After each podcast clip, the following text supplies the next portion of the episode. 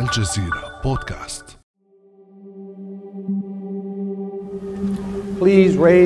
أرجو أن ترفع يدك اليمنى وتقول أنا أنا دونالد جون ترامب أقسم مخلصا أنني سأنفذ مهام منصب رئيس الولايات المتحدة. وسأعمل بأقصى ما لدي من قدرة على صيانة وحماية دستور الولايات المتحدة والذود عنه. والله المستعان. تهانينا سيد الرئيس.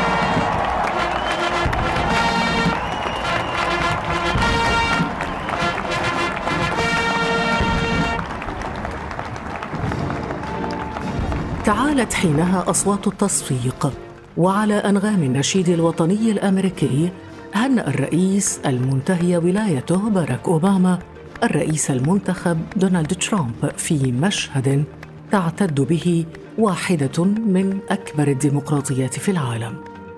كان ذلك في العشرين من يناير 2017 لحظة تنصيب الرئيس الخامس والأربعين للولايات المتحدة دونالد ترامب بمبنى الكابيتول في واشنطن. لحظة يتطلع إليها ترامب مجددا في انتخابات الرئاسة 2020 ضد منافسه المرشح الديمقراطي جو بايدن.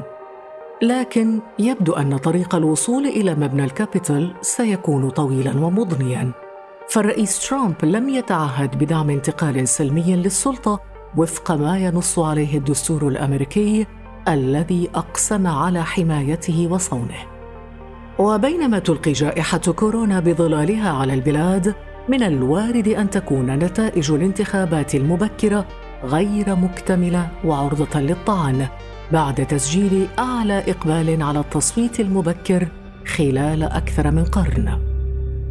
فهل يعلن الفائز منتصف ليلة يوم الاقتراع؟ وما هي السيناريوهات المحتملة في حال حصول نزاع على نتيجة الانتخابات؟ وما هي مخاطر ذلك على البلاد؟ وهل تواجه الولايات المتحدة اختبارا غير مسبوق للديمقراطية منذ تأسيسها؟ بعد أمس من الجزيرة بودكاست أنا خديجة بن جنة.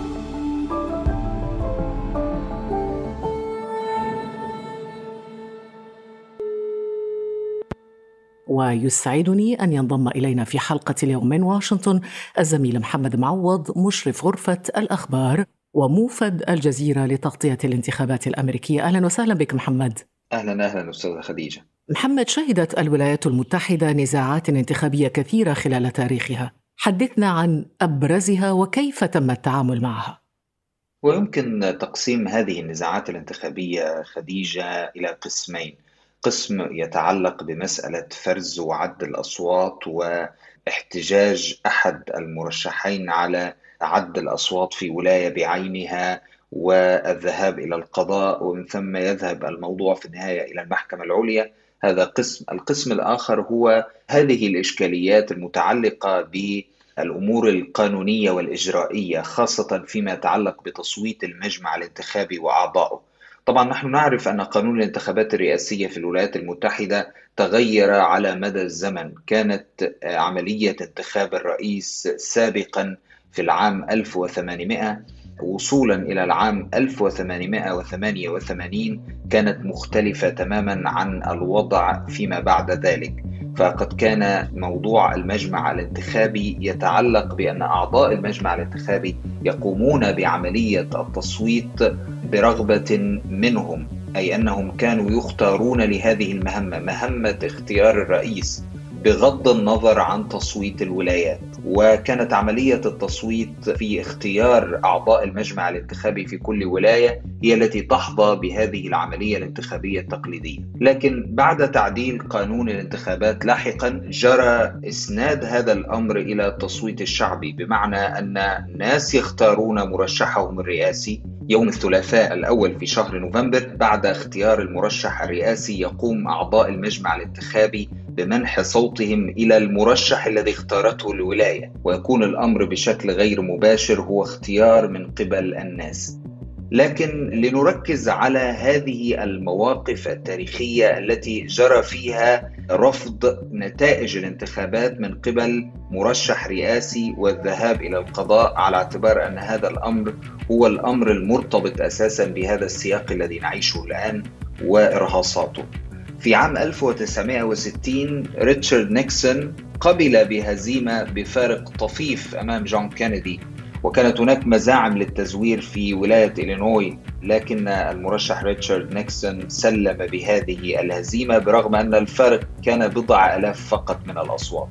وفي عام 2000 أيضا انتخابات الشهيرة التي يذكرها الكثيرون في العصر الحديث عندما قبل آل جور بقرار من المحكمة العليا بإعادة فرز الأصوات في فلوريدا رغم أن الفرز الأولي منحه التقدم على جورج بوش الابن إلا أن جورج بوش الابن ذهب إلى القضاء قضاء ولاية فلوريدا المحكمة الفيدرالية هناك ورفض النتائج وطالب بإعادة عد الأصوات بعد أن قال فريق حملته الرئاسية إن هناك تزويرا جرى وخطأ جرى في عد الأصوات في مقاطعة جنوبية من مقاطعات الولاية ولاحقا ذهب الأمر إلى المحكمة العليا بالطبع على اعتبار أن هذه قضية محورية في السياسة الأمريكية وأقرت المحكمة العليا بضرورة إعادة فرز الأصوات وهو ما أدى في النهاية إلى قلب الأمور وفاز جورج بوش الابن بهذه الانتخابات انتخابات العام 2000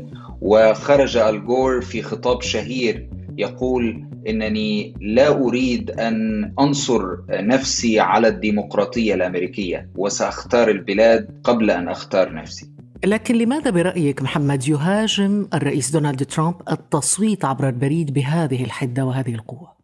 هذا الأمر مرتبط بالإحصاءات التي تقول أن قواعد الحزب الديمقراطي هي التي تصوت بالأساس عبر البريد بنسبة أكبر من قواعد الحزب الجمهوري. الرئيس ترامب يدرك جيدا بأنه في ظل جائحة كورونا سيشرع الكثير من الناخبين بالتصويت عبر البريد حفاظا على أنفسهم من الذهاب إلى مركز الاقتراع في الثالث من نوفمبر خاصة أن موعد التصويت هو يوم واحد فقط. وبالتالي الرئيس ترامب يدرك أن قواعد الديمقراطيين ستصوت عبر البريد ولهذا هو يثير هذه البلبلة حول مسألة التصويت بالبريد ويقول إن هناك تلاعبا سيحصل من قبل الديمقراطيين في عدد من الولايات من أجل ترجيح كفة المرشح الديمقراطي جو بايدن على حسابه باستخدام التصويت عبر البريد، لكن إذا ما نظرنا إلى الواقع والمؤشرات العلمية فإنها تقول بأن التصويت عبر البريد آمن جدا وأن عملية فرز الأصوات التي تأتي عبر البريد تمر بمرحلتين، مرحلة فتح الأظرف والمرحلة الأخرى التأكد من المعلومات في هذا الظرف والتأكد من أن الشخص بعينه هو الذي صوت وأن عنوانه دقيق وأن عملية التصويت جرت بدقة ولهذا تاريخيا كان الأمريكيون يصوتون عبر البريد حتى أن الرئيس ترامب نفسه صوت عبر البريد في الانتخابات الماضية ولم يكن هناك هذه الادعاءات بمسألة التزوير في الأصوات عبر البريد. نعم ولكن نحن نتحدث عن 90 مليون صوت تقريبا هل يجعل مخاوف هذا العدد الكبير مخاوف ترامب في محلها هي مخاوف حقيقية ومبررة؟ 90 مليون صوت آه، خديجة. هم مقسمون ما بين الأصوات عبر البريد وأصوات التصويت المبكر. فهناك آه، معظم الولايات الأمريكية تسمح للناخب الأمريكي بالذهاب إلى مراكز الاقتراع في فترة محددة تسبق موعد الاقتراع الرسمي في الثالث من نوفمبر للإدلاء بصوته فيما يعرف بالتصويت المبكر وهي مجموعة تشريعات مررتها الولايات الأمريكية كل ولاية على حدة من أجل أن تتفادى مسألة الزحام الشديد في الثالث من نوفمبر على اعتبار أن الدستور الأمريكي لا يمكن تغييره وهو الذي يقول بأن التصويت يكون في يوم الثلاثاء الأول من شهر نوفمبر وبالتالي كان حل هذه المعضلة في إقرار مسألة التصويت المبكر. هذا الكم الهائل من التصويت المبكر والتصويت عبر البريد قد يضع أعباء على الولايات في مسألة عد الأصوات. نعم لكن ليس بالضرورة سيؤدي إلى عمليات تزوير أو عدم دقة في عد هذه الأصوات. فمؤخرا دشنت مجموعة من الولايات منهم ولايتي بنسلفانيا ونورث كارولاينا تشريعات من أجل السماح للولاية بالاستمرار في عد الأصوات بعد يوم التصويت الثالث من نوفمبر من أجل التعامل مع هذا الكم الهائل من التصويت عبر البريد وهو ما سيساعد كثيرا وهو ما أقرته أيضا المحكمة العليا الأمريكية في قرار قبل يومين كان حاسما باعتبار هاتين الولايتين حاسمتين في السباق. وهل يمكن برأيك محمد معوض معرفة الفائز في الانتخابات مساء يوم الاقتراع يعني يوم الثالث من نوفمبر كما جرت العادة من قبل؟ كل الترجيحات خديجة تقول بأن هذا قد لا يكون الأمر عليه هذه المرة. هذه الانتخابات مع هذا الكم الهائل من التصويت عبر البريد وما يستلزمه من عملية أكثر تعقيدا من الفرز للأصوات التي يدلي بها المصوتون في مراكز الاقتراع سيؤدي إلى تأخير في إعلان النتائج في عدد كبير من الولايات خاصة أن معظم الولايات الأمريكية لا تفتح الظرف ظرف التصويت عبر البريد إلا يوم الثالث من نوفمبر. بينما تسمح بعض الولايات الأخرى بفتح مظروف التصويت قبل يوم الثالث من نوفمبر. ولهذا فإن عملية فرز الأصوات ستأخذ وقتا هذه المرة خاصة وأن الولايات ستشرع أولا في عد الأصوات للمصوتين شخصيا بالحضور يوم الثالث من نوفمبر. وهذا يعني أن بالنظر إلى أن معظم قواعد الحزب الجمهوري تصوت شخصيا يوم الثالث من نوفمبر بالمقارنة بقواعد الحزب الديمقراطي التي تصوت وتفضل التصويت عبر البريد هذا يعني أنه ربما ترجح كفة المرشح الرئاسي الجمهوري الرئيس ترامب على منافسه جو بايدن في البداية وربما ينقلب الأمر لاحقا عندما تضاف أصوات البريد أو العكس نحن لا نعرف هناك سيناريوهات كثيرة لكن المعروف الآن أن إعلان الرئيس الأمريكي الجديد في الثالث من نوفمبر في منتصف ليل الثالث من نوفمبر لن يكون امرا محتملا وأن الأمر قد يتأخر ليوم أو يومين. طب في حال تأخر اليوم أو يومين أو أكثر، ما هي السيناريوهات المحتملة في حال التأخير؟ السيناريوهات محكومة بصورة كبيرة بهذا التشريع الذي أقر في العام 1887 ويقضي بأن تنتهي عملية عد الأصوات في موعد أقصاه 41 يوما من يوم التصويت في الثالث من نوفمبر. وبعملية حسابية سريعة سنجد أن الرابع عشر من ديسمبر هو الموعد الأقصى لكل الولايات الأمريكية كي تعد أصوات الناخبين في هذه الانتخابات. ومن ثم هناك سقف زمني أمامنا الآن لإعلان الرئيس الأمريكي لكن إطالة مدة الإعلان هذه قد تثير بعض القلاقل خاصة أن الرئيس الأمريكي دونالد ترامب يعد ويعد ويحذر من مسألة التصويت عبر البريد وربما تعطيه الأفضلية في عد الأصوات مبكرا الفرصة كي يتحدث للناخبين ويقول أنا متقدم أنا فائز. وهذا قد يثير الكثير من القلق والمشكلات نعم والقلق أيضا محمد بسبب يعني تهديده بعدم تسليم السلطة بشكل سلمي في حال خسر الانتخابات، في هذه الحالة محمد ما هي الآليات الدستورية لمواجهة احتمال رفض ترامب تسليم السلطة أو الاعتراف بنتائج الانتخابات؟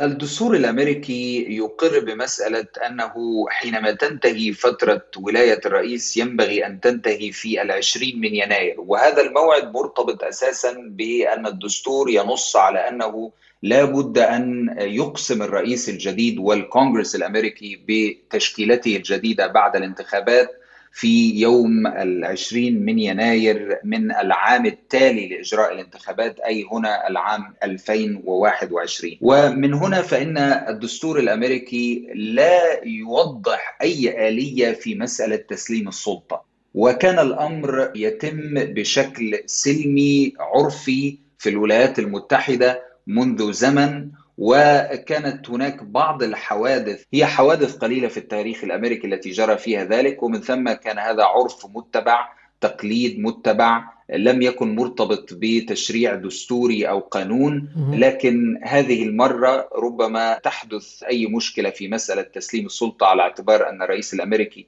لم يتعهد رسميا بذلك برغم الأسئلة الكثيرة التي وجهت إليه. هل ستقبل نتائج الانتخابات؟ سنرى حينها.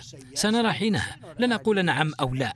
لكن ليست هناك أي آلية لمسألة تدخل الجيش مثلا أو أي آلية أخرى لإجباره على تسليم السلطة سوى أنه يسلمها طواعية خاصة أن قادة الجيش الأمريكي ورئيس أركان الجيش الأمريكي مارك ميلي تحدث كثيرا حول هذا الموضوع. وأكد أن الجيش لا علاقة له بهذا الأمر وأنه لن يكون له أي دور في مسألة التسليم السلمي للسلطة. ربما يكون هناك تدخل للجيش في حالة ما إذا وقعت أعمال عنف نتيجة السيناريو الذي تحدثنا عنه وهو رفض الرئيس ترامب الاعتراف بنتائج الانتخابات وتسليم السلطة. هل يكون هناك دور للجيش فعلا في حال ما إذا وقعت أي أعمال عنف؟ الحرس الوطني الأمريكي التابع للولايات عادة خديجة ما يتدخل في مثل هذه المواقف حينما تحدث أعمال عنف ولهذا أصلا أنشئ الحرس الوطني. الحرس الوطني هذا هو قوة عسكرية تابعة للولايات الأمريكية كل ولاية على حدة وهو تابع بالأساس لحاكم الولاية وحاكم الولاية هو الذي يقرر نشر هذا الحرس الوطني قوة الحرس الوطني. والحرس الوطني تدشينه كان مرتبط أساسا بمسألة التعامل مع أي أعمال عنف أو شغب تحدث في أي ولاية لكل ولاية على حدة ويدخل ضمن سلطات الولاية حتى يبقى الجيش بعيدا تماما عن أي تعامل مع الحياة المدنية أو مع المدنيين في الولايات المتحدة. لكن طبعا كل السيناريوهات الآن محتملة وإذا ما حصلت أعمال عنف واسعة قد يلجأ الجيش للنزول إلى الشارع على اعتبار أن من مهام الجيش حفظ أمن البلاد وبالتالي قد يكون ذلك مسوغا لمسألة تواجده إذا ما اقتضى الأمر.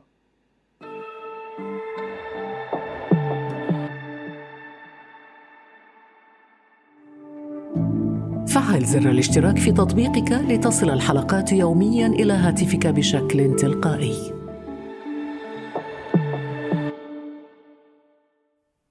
محمد تحدثنا إذا عن الجوانب السياسية والأمنية للمشهد الانتخابي الحالي ماذا عن الجانب الاقتصادي وتداعيات المناخ السياسي المتوتر على الاقتصاد الأمريكي والأسواق المالية؟ هناك قاعدة أساسية في البورصة الأمريكية ترتبط بالانتخابات الرئاسية تقول بأنه إذا ارتفعت أسهم البورصة فهناك ارتياح بأن الرئيس الذي هو موجود في البيت الأبيض بالفعل سيتم تمديد فترته الرئاسية لفترة ثانية وإذا ما انخفضت أسهم البورصة الأمريكية فهذا يعني أن المستثمرين يعتقدون بأن رئيسا جديدا سيأتي إلى البيت الأبيض على اعتبار أن ذلك سيأتي بتغيير في التشريعات وفي الأمور المتعلقة بالضرائب وغيرها التي تؤثر بشكل أساسي على الاقتصاد الأمريكي. لكن هذه المرة حتى الآن البورصة الأمريكية مستقرة لا يمكن القول بأن عامل الانتخابات هو العامل الأساسي المؤثر فيها جائحة كورونا هي المؤثر الأساسي في البورصة الأمريكية الآن. الاقتصاد الأمريكي أيضا مرتبط بشكل أساسي بجائحة كورونا هذه المرة. نحن في ظروف استثنائية اقتصاديا وسياسيا واجتماعيا وهي تنعكس بالأساس على كل جوانب الحياة في الولايات المتحدة. عملية الإغلاق إغلاق بعض الولايات وإعادة الفتح وهذه الأمور كلها تؤثر بشكل مباشر على الاقتصاد الأمريكي وهي العامل الحاكم هذه المرة. العامل الحاكم هذه المرة وأنت أشرت الآن إلى فيروس كورونا، هناك أيضا إلى جانب فيروس كورونا عامل آخر يتعلق بحجم التدخلات الأجنبية في الانتخابات الأمريكية وكان هناك حديث وجدل كبير حول هذا الموضوع. هل هناك ما يشير فعلا إلى وجود هذا العامل في هذه الانتخابات هذه المرة؟ هذا العامل موجود ويمكن الشعور به في الولايات المتحدة وهو يثير مخاوف كل الأجهزة الأمنية الأمريكية، أجهزة الاستخبارات الأمريكية المختلفة، أجهزة الأمن الداخلي الأمريكية، يثير مخاوفها هذا الأمر على اعتبار أن التدخل أصبح متسارع هذه المرة ومن عدة دول. بالمرة الماضية كان التدخل محصورا في روسيا. الآن وزارة الأمن الداخلي تتحدث عن تدخل من إيران ومن أيضا من الصين وكل دولة لديها مرشح مفضل تحاول أن تتدخل في الانتخابات الرئاسية الأمريكية عبر مواقع التواصل الاجتماعي أو عبر غيرها من الحملات المزيفة للأخبار من أجل توجيه دفة السباق إلى مرشح آه، معين. لكن واضح خديجة من النظر إلى مواقع التواصل الاجتماعي في الولايات المتحدة هذه الأيام أن مواقع التواصل الاجتماعي المختلفة فيسبوك تويتر وغيرها تتخذ إجراءات مشددة جدا هذه المرة إذا ما قورنت بالمرة الماضية.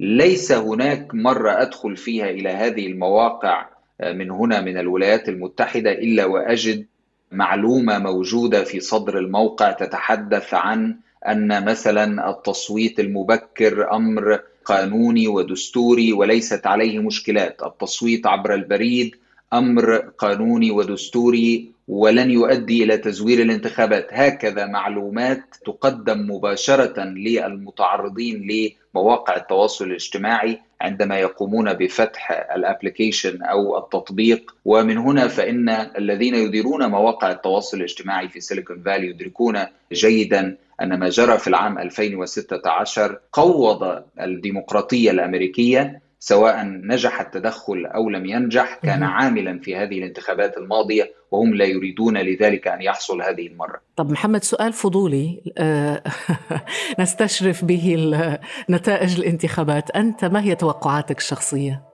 والله أنا يعني السباق في الرئاسة في أمريكا بيتغير كل يوم عن الثاني في آخر خمس أيام عادة.